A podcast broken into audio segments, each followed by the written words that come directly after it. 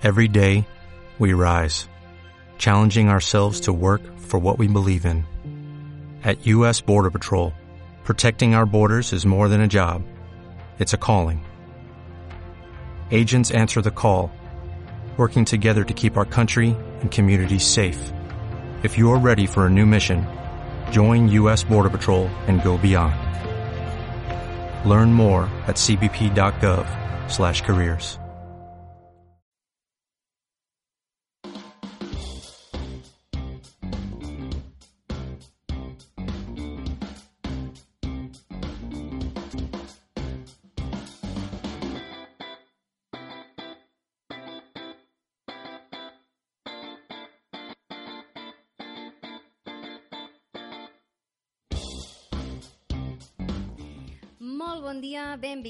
benvingudes una setmana més a Comunitària, l'espai d'acció, associacionisme i Ateneus a Radio Ateneu del Clot en col·laboració amb la Federació d'Ateneus de Catalunya. Us parla Marta Rius. El tema del dia d'aquest novè programa i últim de la temporada 2015-2016 és el voluntariat. Els voluntaris són les persones físiques que, d'una manera lliure, sense contraprestació econòmica i d'acord amb la capacitat d'obrar que els reconeix eh, el públic, decideixen dedicar part del seu temps al servei dels altres o a interessos socials i col·lectius. I ho fem a través de programes de voluntariat que duen a terme entitats sense ànim de lucre, amb les quals formalitzen un compromís que dona drets i deures i que estan relacionats amb l'associacionisme i la participació en els diferents projectes que en aquest marc es puguin dur. Bé, doncs per parlar de la salut i els reptes del voluntariat, a l'entrevista del tema del dia avui ens acompanyarà l'Eulàlia Mas. Ella és la gerent de la Federació Catalana del Voluntariat Social. Amb ella coneixerem aquest tipus de voluntariat, veurem que n'hi ha d'altres, i tot just després parlarem sobre el moviment dels esplais, que també té molta relació amb el voluntariat, eh, tot i que no només eh, hi ha voluntaris, també hi ha persones treballadores amb tanta tradició a casa nostra i ara que ve l'estiu i que el temps de lleure es posa a l'ordre del dia entre els infants i adolescents sobretot, volem conèixer de fons i de primera mà una de les organitzacions que treballen a Catalunya. Coneixerem Fundesplai, de la mà d'en Víctor Hugo Martínez, que és el cap de planificació de Fundesplai d'aquesta entitat. I al tram final del programa, com és habitual, us farem arribar algunes propostes culturals que podreu trobar a l'agenda del món associatiu per aquest mes de juliol. Dit això, recordeu que estem en directe i que podeu escoltar de nou, quan us vagi bé, el podcast del programa d'avui entrant al portal de Ràdio Ateneu del Clot o al de la Federació d'Ateneus de Catalunya, ateneus.cat.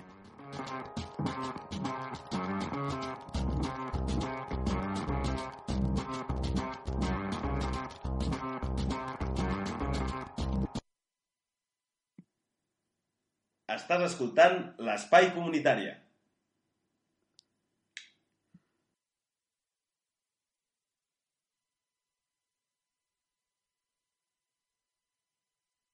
La Federació Catalana de Voluntariat Social és la plataforma de referència del voluntariat social a Catalunya. És una xarxa d'entitats sense ànim de lucre i treballa pel foment, la promoció i el reconeixement del voluntariat social al nostre país. En total engloba més de 75.000 persones voluntàries i 25 anys d'història avalen la seva feina. Actualment són prop de 300 les entitats que en són membres. Avui parlem amb l'Eulàlia Mas, que és la gerent de la Federació Catalana del Voluntariat voluntariat social. Molt bon dia. Molt bon dia. La llei defineix les persones voluntàries a partir de la voluntat i la no contraprestació econòmica de tasques en entitats amb fins no lucratius.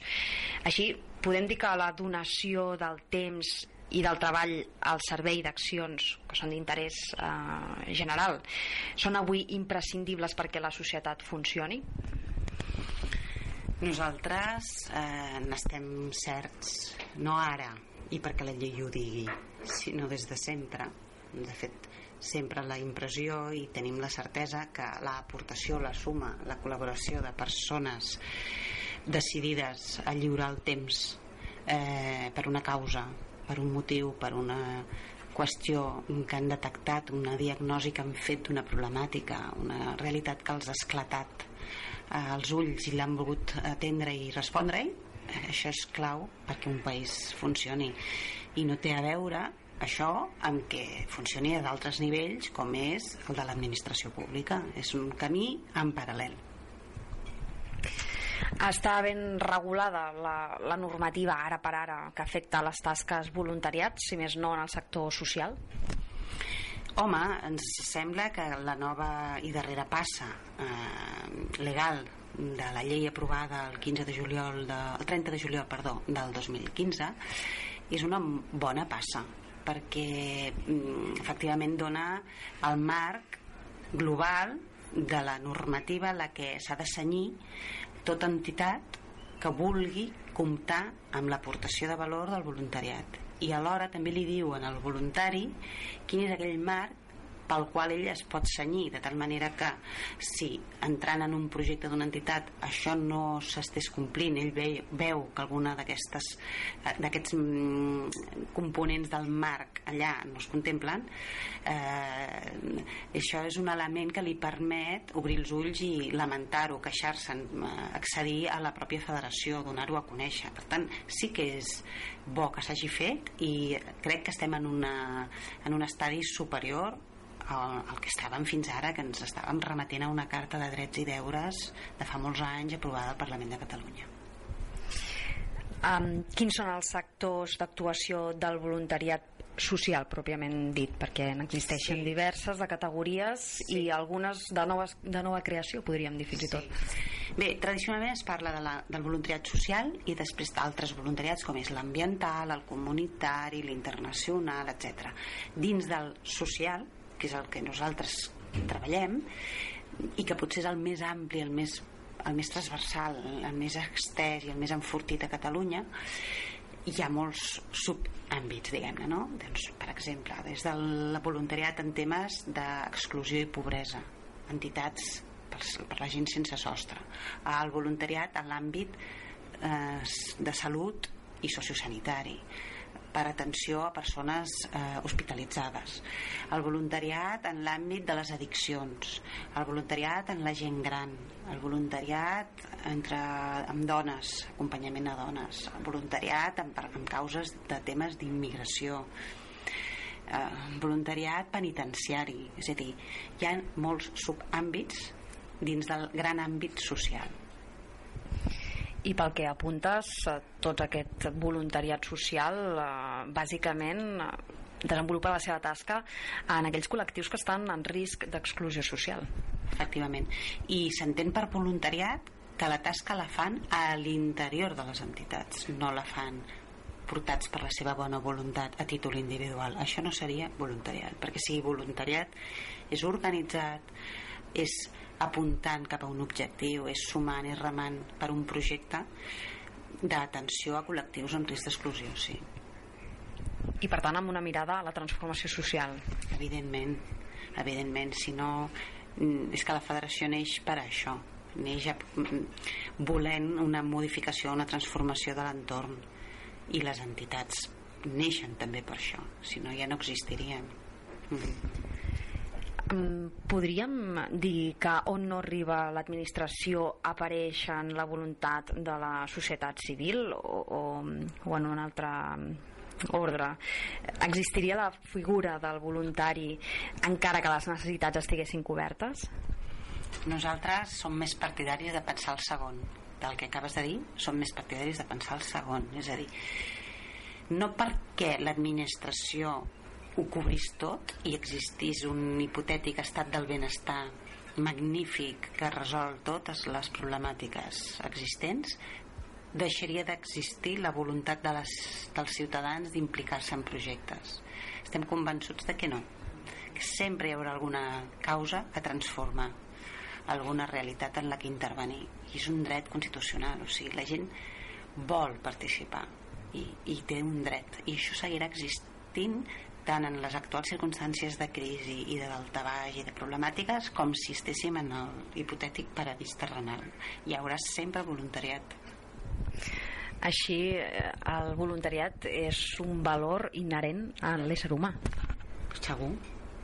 Segur, i a més a més eh, és que és que és a dins és que, és que és en tothom no és cosa d'herois no és cosa de superdotats, no és cosa de gent que disposa de no sé. És una qüestió interna que en un moment donat a algunes persones el clic es produeix i si posen, d'altres tarden més, però la possibilitat interna la té tothom i és a dins.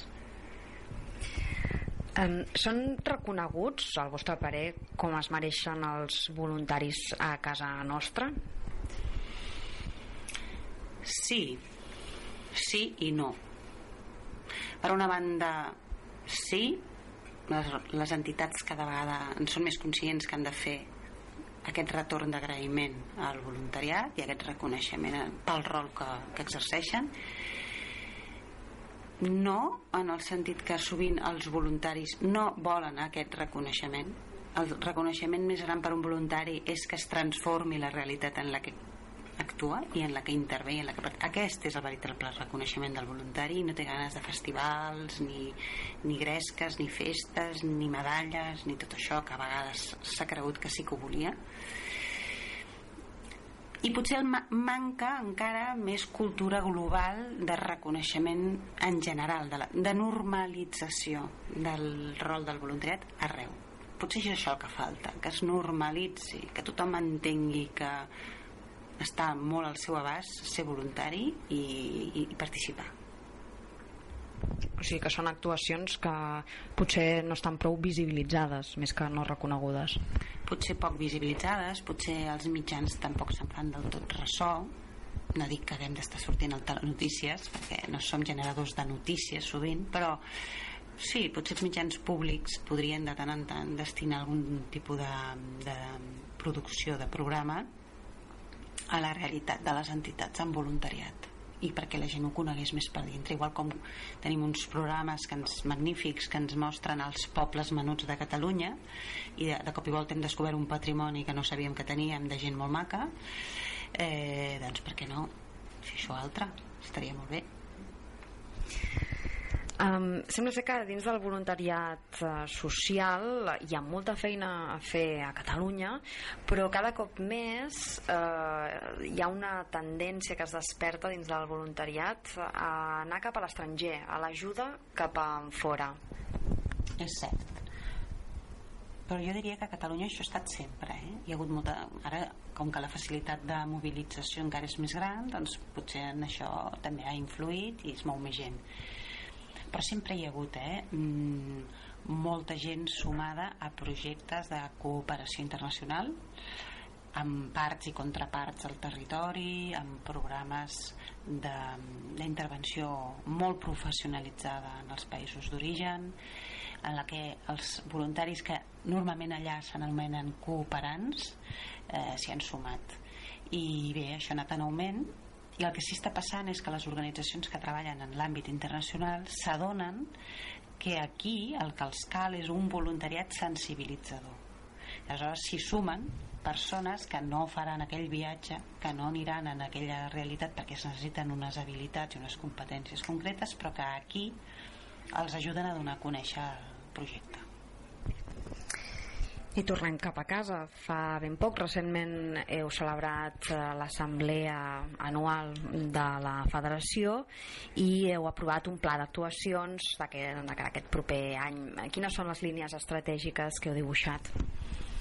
Bé, nosaltres eh, l'any passat, el 2015, vam celebrar el 25è aniversari i per celebrar-lo, l'aniversari vam decidir que en comptes de gastar uns dinerets a fer una gran festa, els gastaríem en posar-nos a, a, sota la lupa i observar si la federació estava sent o no una federació del segle XXI al servei de les entitats membres o estàvem encallats en el XX.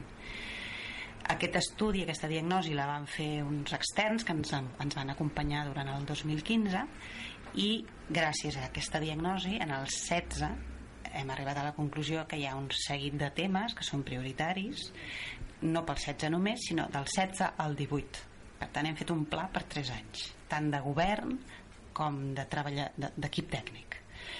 I jo diria que de totes les eh, línies d'aquest pla potser el més important seria que ens hem adonat que la federació no pot créixer a nivell de serveis generals sinó que ha de créixer ben arrapada al territori.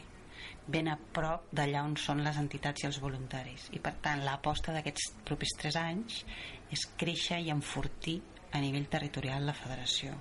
Perquè tenim una federació amb moltes entitats de Barcelona i província però no tantes una mica com desequilibrada a nivell de Girona, de Tarragona i de Lleida. I això com que sabem que ens en falten un, una bona colla per federar que treballen molt i bé amb voluntariat doncs anem a buscar-les i a treballar amb elles, a fer xarxa Teniu, de fet, un desplegament o una descentralització dels vostres sí. serveis, de la vostra cobertura amb sí. diferents delegacions. Sí, sí, sí, tenim quatre delegacions. Eh? Els serveis generals i la delegació de Barcelona comparteixen seu i després tenim seu a Girona, seu a Tarragona i seu a Lleida. I tenim allà una assemblea local que escull el representant d'aquell territori a la junta directiva de la federació. Però volem anar més enllà i treballar més al costat de les entitats de cada un d'aquests llocs. Bé, doncs eh, això ja hem conegut amb més profunditat eh, la vostra tasca diària i des de fa 25 anys eh, i per tant tota una fita, aquest treball pròxim i al costat de les persones en definitiva, d'aquestes més de 75.000 persones que, que deien voluntàries que donen servei a d'altres persones que ho necessiten en un moment determinat de la, de la seva vida. Eulàlia, moltíssimes gràcies per estar amb nosaltres. A vosaltres per, per convidar-me i per escoltar-me. I fins la propera. Gràcies igualment.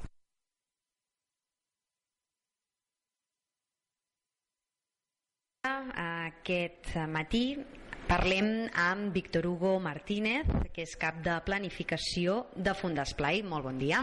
Hola, molt bon dia. Primer de tot, què és Fundesplai? Doncs mira, Fundesplai és el nom amb el qual es coneix la Fundació Catalana de l'Esplai. És una entitat que té el seu naixement, doncs la seva història, en l'any 69 en el barri de Bellvitge, um, on s'hi va desenvolupar pues, un projecte de lleure que avui en dia es coneix com el Club de Bellvitge o Club Infantil i Juvenil de Bellvitge um, que va anar evolucionant que es va anar d'alguna manera replicant o que va anar mm, donant peu a altres centres d'esplai arreu de la comarca del Baix Llobregat que en el seu moment, parlem ja de principis dels 80, eh, es van unir en un moviment d'esplais, que és el que es va anomenar el Moi Baix, per llavors, i que a poc a poc doncs, va anar agafant una dimensió que anava més enllà dels esplais i també més enllà de la comarca del Baix Llobregat i va ser llavors l'any 96 quan es va decidir fer una fundació que donés a Xupluc en aquest conjunt d'entitats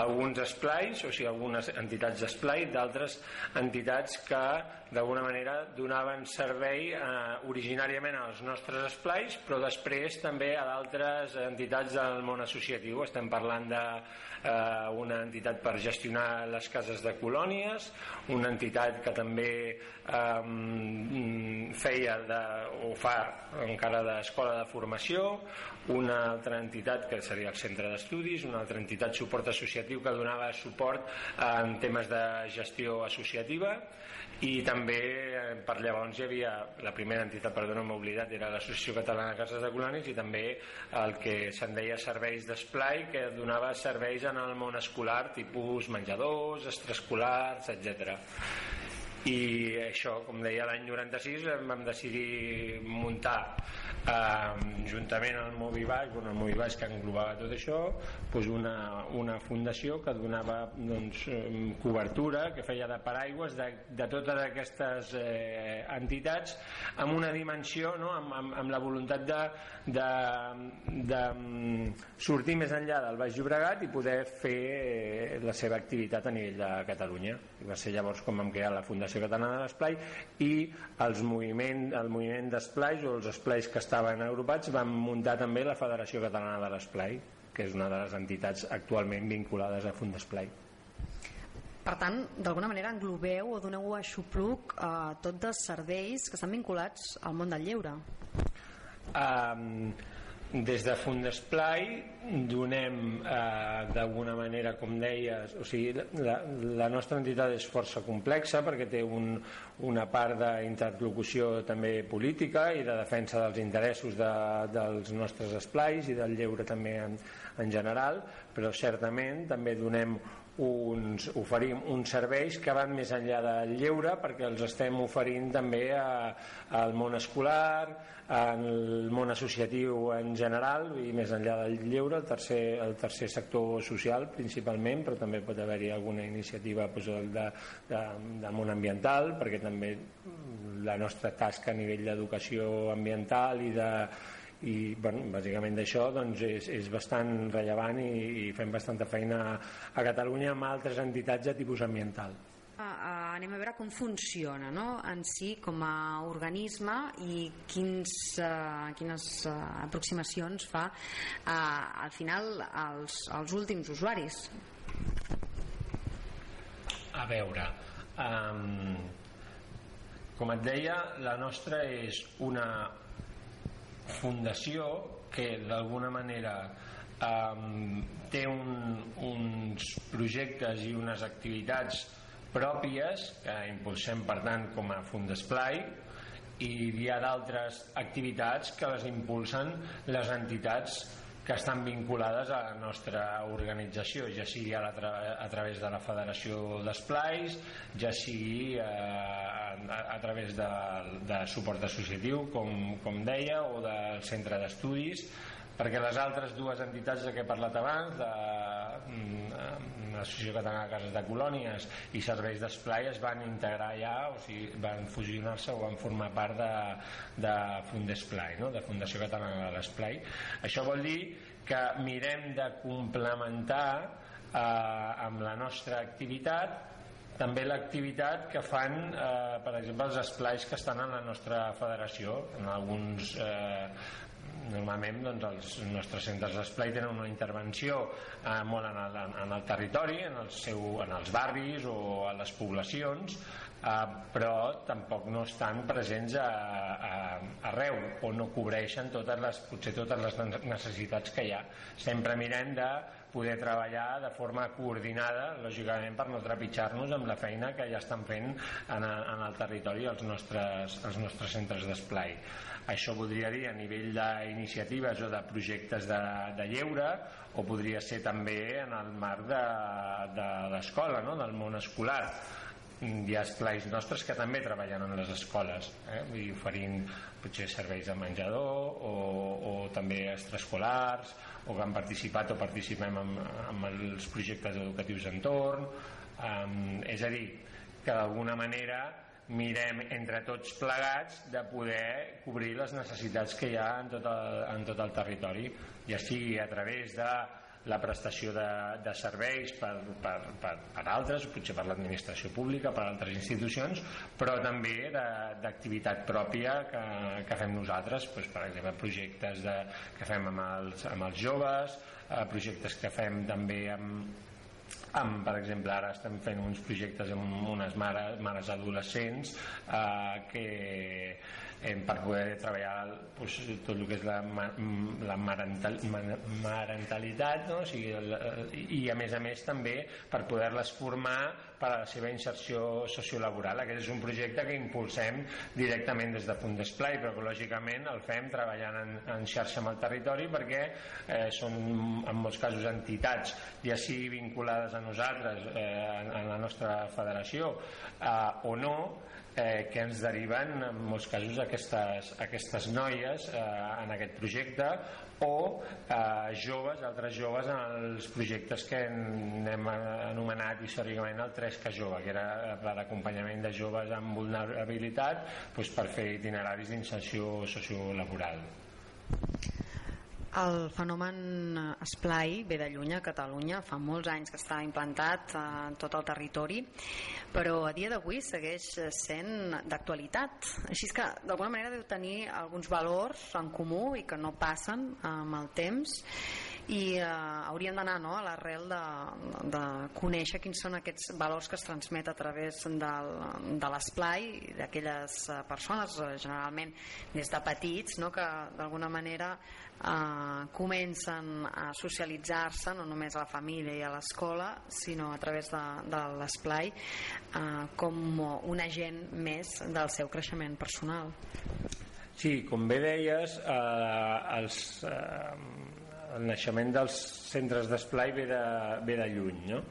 però també hem de dir que, que en tot aquest temps, des de que van néixer fins avui dia, tot aquest moviment o aquests centres d'esplai també han evolucionat i ens trobem en el nostre cas, per exemple, ja ho haureu pogut notar per les coses que he anat explicant doncs que hi ha centres d'esplai doncs, els tradicionals de tota la vida que fan activitat els dissabtes i segurament molts d'ells en, en el, eh, a les èpoques de vacances doncs marxen de colònies, campaments que en molts casos estan impulsats per, per un 100% o una, un equip totalment de persones voluntàries però també tenim doncs, gairebé un 50% dels nostres projectes o dels nostres centres de, dels centres d'esplai vinculats a la nostra federació doncs són centres d'esplai diari que en diem, que fan activitat des del dilluns fins al dissabte eh? i molts diumenges a més a més i aquests esplais doncs, la major part estan formats per monitors i monitores no? per, per equips de persones que són una combinació de voluntaris i voluntàries i de persones eh, remunerades que d'alguna manera doncs, garanteixen l'estructura d'aquests projectes no? de dilluns a dissabte doncs, et pots imaginar que, que hi ha una, també una certa complexitat a nivell de gestió, a nivell de direcció pedagògica no? i és per això que, que hi ha aquest reforç de, de l'equip eh, dels equips remunerats i ho he dit abans, també hi ha alguns esplais que més enllà de, també d'aquesta activitat pròpia que fan al centre d'esplai eh, que no només agafa el curs escolar sinó que agafa les vacances perquè ara que estem en ple estiu doncs, bueno, des de finals de juny es fan colònies però també es fan casals d'estiu. Es fan casals d'estiu a l'època des de fa uns anys s'estan fent casals d'estiu també durant el mes d'agost per poder cobrir les necessitats eh, en molts casos de, de famílies amb, amb més dificultats econòmiques no? per poder, bueno, doncs que no poden permetre's unes vacances, que no poden marxar i fins i tot d'alguns grups d'alguns col·lectius d'infants doncs, que necessiten eh, poder fer aquestes activitats durant el mes d'agost perquè si no, no, no tindrien eh, cap altra possibilitat eh, seguim també en el mes de setembre abans de començar l'escola. A l'època de Nadal també s'acostumen a fer les activitats de, de, de vacances ja siguin colònies o també casals de vacances a la Setmana Santa. Per tant és una actuació que, que agafa eh, no només tots els dies de la setmana sinó tot, tot, tot l'època de l'any. Explico tot això perquè lògicament eh, hi ha uns punts en comú de treball amb tots els infants, ja sigui en esplais de dissabte o sigui en esplais diaris, no? com poden ser doncs, el treball doncs, per la ciutadania, per, per la igualtat d'oportunitats, perquè tinguin d'alguna manera una educació amb, amb valors que, que els permeti d'alguna manera doncs, créixer, formar-se com a persones, eh, però a més a més els, els projectes acaben, o tots aquests projectes que fem al llarg de l'any acaben cobrint unes necessitats que són diferents en, en molts casos no? eh, probablement un infant o sí, un jove que ve a fer esplai els dissabtes doncs no estàs cobrint tant una necessitat de conciliació de la vida familiar i professional sinó que estàs pues, eh, sobretot eh, ja no cobrint tant una necessitat sinó una voluntat de la família doncs, d'aquests aquest, nanos doncs, eh, doncs tinguin una educació es relacionin entre ells puguin conèixer perquè també per tant es fan eh, excursions doncs puguin conèixer eh, l'entorn no? Um, en canvi entre en l'activitat d'entre setmana a banda de tot això que he explicat, també s'assumaria una necessitat de les famílies, doncs, lògicament, per poder eh, conciliar la seva vida professional i la seva, i la seva vida familiar. No? I a més a més, doncs ens trobem en molts, en molts casos d'infants i de joves que venen derivats dels diferents dispositius d'atenció, ja siguin bueno, principalment municipals, no? de, de, de serveis socials, doncs perquè tenen unes necessitats, tenen unes carències o el que siguin. No? Mm, aquesta intervenció educativa però a més a més social d'entre setmana doncs, en alguns casos molt pocs es faria a través d'un model de centres oberts però el que mirem en el que sobretot eh, són espais d'alguna manera tal com s'entenen de forma generalitzada eh? eh, on hi van nanos que tenen algun tipus de carència o de necessitat Um, però nosaltres el que mirem és que aquesta uh, atenció, aquesta intervenció la puguem fer amb, amb, amb, amb una combinació, per dir-ho d'alguna manera, d'infants amb necessitats o d'infants, mm, i disculpeu l'etiqueta, normalitzats, no? o que no tenen eh, d'alguna manera per poder normalitzar la situació de tothom, evitar uh, crear guetos, de, uh, evitar crear espais on només hi van nanos que tenen algunes dificultats i per tant les seves referències immediates pues, són altres nanos que tenen dificultats semblants amb ells no? eh, d'alguna manera pues, eh, intentem totes les intervencions que es fan en els diferents projectes que tinguin aquest nucli que explicava a l'inici de treballar amb valors, d'aprendre a créixer, etc etc, amb algunes intervencions més especialitzades, però que d'alguna manera es facin el més de la manera més normalitzada possible no? per entendre'ns doncs, com es fa a l'escola no? Eh, en què doncs, tens a la classe doncs, tens tot d'infants amb necessitats molt diferents però on s'intenta d'alguna manera que tots participin per igual per tant el taló darrere fons de l'esplai i del moviment esplai eh, sempre parteix d'una certa pedagogia com apuntaves eh, mm, diferent de l'àmbit escolar en el punt en el que es parteix des de lleure i des de les hores de lleure. És clar um, a l'esplai no fem el mateix que a l'escola ni ho fem de la mateixa manera ni tampoc seria positiu que fos així ja que la diversitat enriqueix d'alguna manera la formació integral de, dels infants, una formació que lògicament passa per l'escola, que lògicament passa per les famílies eh, principalment, o que hauria de ser així essencialment, eh, que passa per l'esplai en el cas dels infants i els joves que venen a l'esplai, mm, i que d'alguna manera en cada un d'aquests àmbits eh, ha de ser diferent per força en el nostre cas, que és el de, cas de l'educació anomenada no formal, no? el que mirem és de fer-ho doncs, d'una manera que el, el nen doncs, eh, s'ho passi bé gaudeixi, se li proposin eh, activitats però també ell sigui capaç de poder-ne proposar, de poder decidir no? en, en funció també de l'etapa evolutiva doncs, que com més grans doncs, lògicament van tenint un paper molt més important en els projectes que, que desenvolupen nosaltres el que és la nostra metodologia normalment eh, així ho plantegem en les propostes educatives que, que fem va, en el cas dels nens més dels infants més petits eh, parlem dels centres d'interès mirem que totes les activitats estiguin relacionades amb una temàtica central eh, sense forçar-ho al màxim sempre pot ser alguna activitat doncs, perquè et ve de gust i ja està i no cal que estigui tot eh, vinculat i tot ben articulat però sí que mirem que durant el, durant el curs o durant les colònies o durant el campament o el casal d'estiu el que sigui hi hagi un, un tema, un tema que va canviant cada any, que fa que l'activitat d'alguna manera també sigui diferent, és a dir, hi faràs jocs, hi faràs tallers, manuals, hi faràs descoberta de l'entorn, però d'alguna manera sempre serà una aventura una miqueta diferent, no? Sempre aquí suposo que hi ha la diferència bastant abismal que es parteix des de la creativitat o si més no eh, es motiva aquesta creativitat i es treuen potser alguns eh, cursers, algunes les cotilles que a vegades obliga no? l'educació.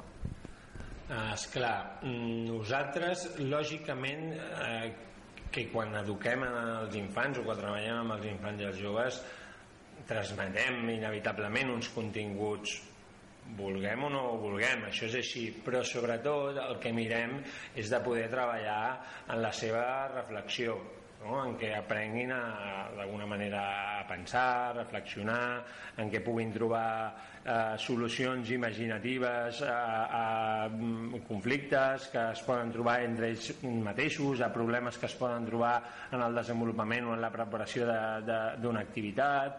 Eh, la, la part artística, per dir-ho d'alguna manera, sempre és molt present en les activitats dels esplais, ja sigui la música, ja sigui el teatre, ja sigui en les manualitats, doncs per d'alguna manera també potenciar la creativitat d'aquests infants, no? som, tot i que d'alguna manera no ho hem pogut demostrar mai, per dir d'alguna manera, no? perquè no hem pogut fer un, un estudi eh, en profunditat de tot això, perquè això implicaria molt de temps i, i un estudi molt a fons. Nosaltres estem convençuts que els infants i els joves que passen per, per un centre d'esplai, després això, eh, o sigui, no només després, durant, eh, durant ja, ja es nota que tenen un tarannà diferent, però a més a més després quan ens fem grans, i m'incloc perquè lògicament jo, jo hi he estat en un centre d'esplai, quan ens fem grans doncs també tenim una, una manera de fer que, que, on es nota la petjada d'aquest pas per, per l'esplai. Lògicament aquesta manera de fer i aquestes capacitats, característiques, eh, habilitats es poden aconseguir d'altres maneres eh? no diem que som els únics i som els millors perquè som així i, i, i l'única manera d'arribar-hi és eh, a través de l'esplai pues segur que l'esport és molt important que el fet de, de persones que viuen en el món associatiu o en altres àmbits que no són el del lleure la cultura popular o que sí, doncs també poden assolir tot, tot, tot això que, que expressava i que d'alguna manera és pues, capacitat d'empatia, de, de poder treballar en equip, de poder liderar quan cal pues, un, un, no? un, un equip eh, per fer qualsevol cosa, de fer participar no? a, a totes les persones de, de, del voltant en el, en el projecte que, que estiguem fent, a nivell de relacions familiars o del que sigui, no? tot, tot això jo estem, eh, eh, jo i nosaltres diguéssim estem convençuts que, que el pas per l'esplai doncs, eh, ens permet d'anar adquirint tota aquesta sèrie de, de, de qüestions que ens acompanyaran al final durant tota la vida. I ja per últim eh, ens agradaria que poguéssim posar per un moment el termòmetre al, al sector de l'esplai eh, parlant en termes eh, no només quantitatius que, que ho podríem eh, mencionar no? de, eh, quin és l'estat de salut de, del sector a Catalunya i en relació al món Um, i, i si té algunes línies estratègiques a llarg termini que ara mateix des de Fundesplai us estigueu uh, uh, doncs, que estigueu avaluant?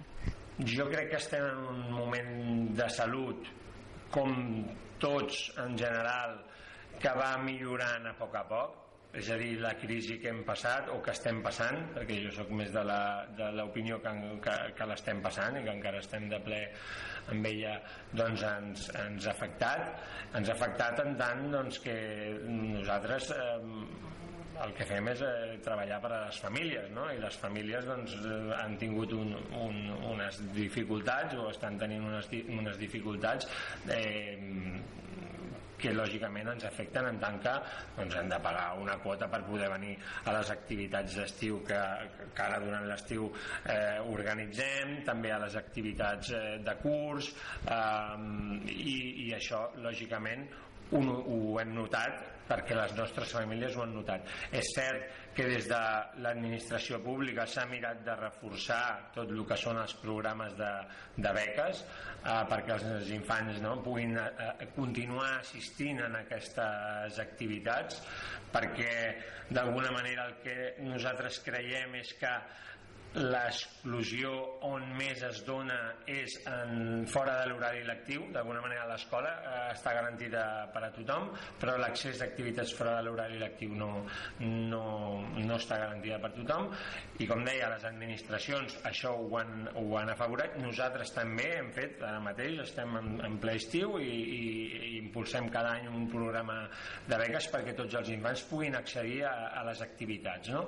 d'alguna manera per tant ho hem notat eh, n'estem sortint molt a poc a poc aquestes mesures doncs, ens han permès d'alguna manera mantenir el, el nivell i jo m'estic convençut que en els propers anys la salut del sector o dels nostres esplais anirà a millor. Això què vol dir? Doncs vol dir més participació per part d'infants i per part de famílies i poso molt l'èmfasi en famílies perquè per nosaltres la participació de les famílies és essencial, o sigui, la participació de les famílies en l'esplai és essencial perquè d'alguna manera l'educació de l'infant no, sigui el més, eh, el més rica i el més eh, potent eh, possible no?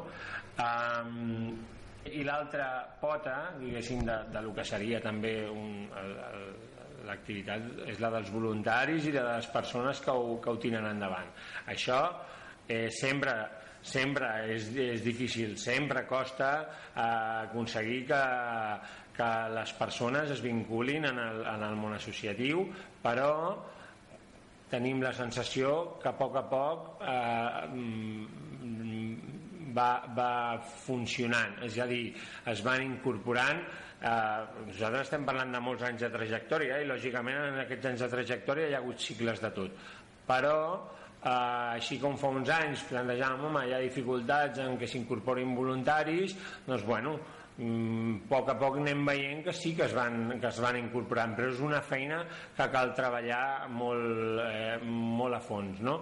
i és per tant una de les línies estratègiques no? que dèiem una, línies, una de les línies de futur pels propers anys també és poder garantir els equips dels nostres centres d'esplai eh, que alguns doncs, ho tenen completament resolt i altres amb, amb les mm, constants eh, diguéssim ara no em sortirà la paraula però amb, amb els canvis no, generacionals doncs això ho, ho, ho pateixen no? doncs aquesta seria una, no? garantir que els centres d'esplai poden tenir els, els equips de voluntaris i també els equips professionals suficients per poder seguir amb l'activitat que fan ara i per poder, a més a més, fer front a noves necessitats que la societat va tenint. Són noves necessitats que no han d'anar vinculades exclusivament a necessitats eh, ocasionades per la crisi, sinó eh, d'alguna manera per la mateixa evolució de, de, de la societat. No? Com deia abans, doncs en 40 anys les necessitats han canviat, el model de societat ha canviat i per tant el model d'esplai també en molts casos ha canviat. Doncs, eh,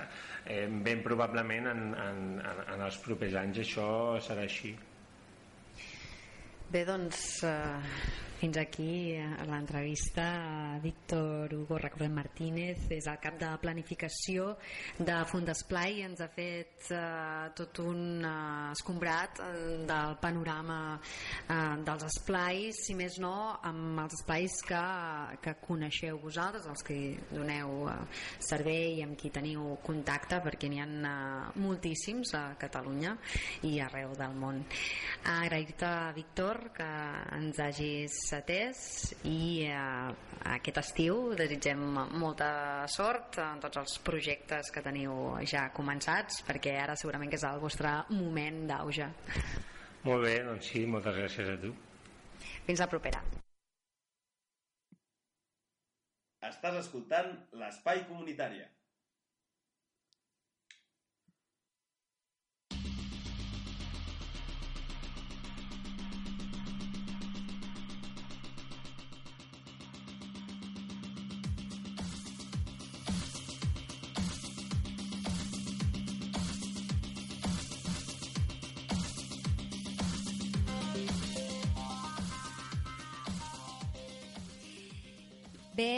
Ara és el moment de l'agenda d'esdeveniments del mes de juliol que la calor fa bullir l'olla i a tots els municipis catalans si teniu propostes, festes, fires que no us podeu perdre aquest mes. Comencem per aquest cap de setmana amb Ruby Folk eh, a Rubí, al Vallès Occidental, que a partir d'avui, divendres dia 7 i fins al 10 de juliol, es eh, celebra el Rubí Folk, aquest festival internacional de dansa tradicional que organitza l'Esbar de Rubí i que enguany celebrarà la seva quinzena edició. La ciutat durant uns quants dies assaboreix el millor folklore internacional amb la presència de grups d'arreu del món.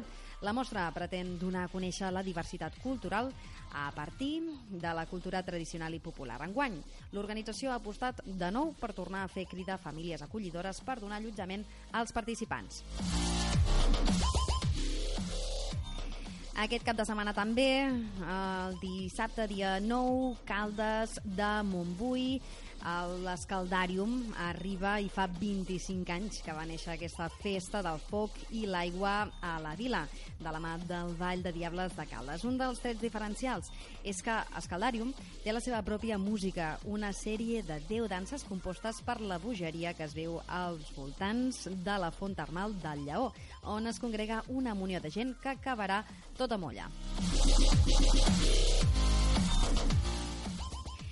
A Balaguer, a la Noguera, 8, 9 i 10 de juliol. Avui, divendres, dia 8, ahir era dia 7, que abans us parlava del Ruby Folk, el Transegre, calor, aigua, imaginació i un gran ambient festiu són els principals ingredients d'aquesta cita, que és una celebració, com sabeu, que reivindica la recuperació de l'espai natural del riu mitjançant un descens esbojarrat i no competitiu sobre originals construccions artesanes que cada any apleguen més participants entusiastes.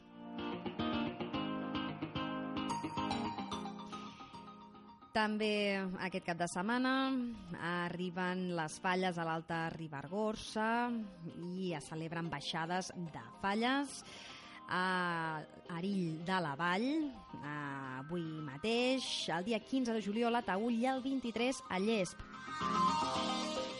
El cap de setmana vinent, 15 i 16 de juliol, arriba el Pau Paterres a Tàrrega. Durant dos dies, la ciutat ofereix actuacions en directe de formacions musicals emergents del nostre país, així com propostes consolidades del panorama musical. El certamen ha esdevingut amb 7.000 visitants, l'aparador musical estiuenc de la província de Lleida. En la que serà el cap de setmana vinent, la 19a edició, actuaran Scatalites, Blaumut, Sabor de Gràcia, Joan Garriga i Magit Fahem, la Terrasseta de Preixens, el Son de la Xama, Carlitos Minyarro i tot un llarg, etc. Després, el 17 de juliol, a Prades al Baix Camp, festa del cava, la festa de la font que raja cava, res i curt. Comença al vespre quan es tanca l'accés a la plaça Major amb unes 3.000 persones i es prepara tot l'operatiu que connecta l'Ajuntament amb la font. Per accedir a l'espai de la festa als voltants de la font cap a quarts de 12 de la nit, recordem del 17 de juliol, quan s'obriran els accessos, això sí, caldrà pagar un tiquet que dona dret a veure tantes copes de cava com es vulgui. I acabarem parlant de la festa de Sant Antoni que arribarà a Fornells a Menorca el 23 i 24 de juliol. El Fabiol, la Colcada, les Candeletes, el jaleo, l'aiguarròs repartit pels caixers a la plaça, l'algaradelet... Bé, són elements que els peninsulars només podem conèixer si vivim. Des de dins la festa en honor a Sant Antoni que li dedica el municipi de Fornells i arribarà el 30 i 31 de juliol, el darrer cap de setmana de mes, a Arsègal, a la l'Urgell, la trobada d'acordionistes, que és un festival de música tradicional i popular dedicat, òbviament, a l'acordió diatònic, que cada any aplega a Arsègal, intèrprets d'aquest instrument. Dit això, posem avui al punt i final a aquesta temporada. Recordeu que podeu escoltar el podcast del programa i dels anteriors a la web ateneudelclot.com barra ràdio i a la web ateneus.cat. Posem punt i final. Com dèiem, aquesta temporada de l'Espai Comunitari a Ràdio Ateneu del Clot ha estat un plaer compartir amb tots vosaltres mensualment l'estat actual i els reptes de l'associacionisme, un món, com veieu, apassionant i molt ric a Catalunya. Us agraeixo la companyia i especialment a l'Ateneu del Clot l'oportunitat d'incloure'ns a la seva graella radiofònica. Llarga vida a aquest projecte de ràdio únic i de proximitat. Us ha acompanyat Marta Rius. Us desitjo un molt bon estiu. Gràcies i a reveure.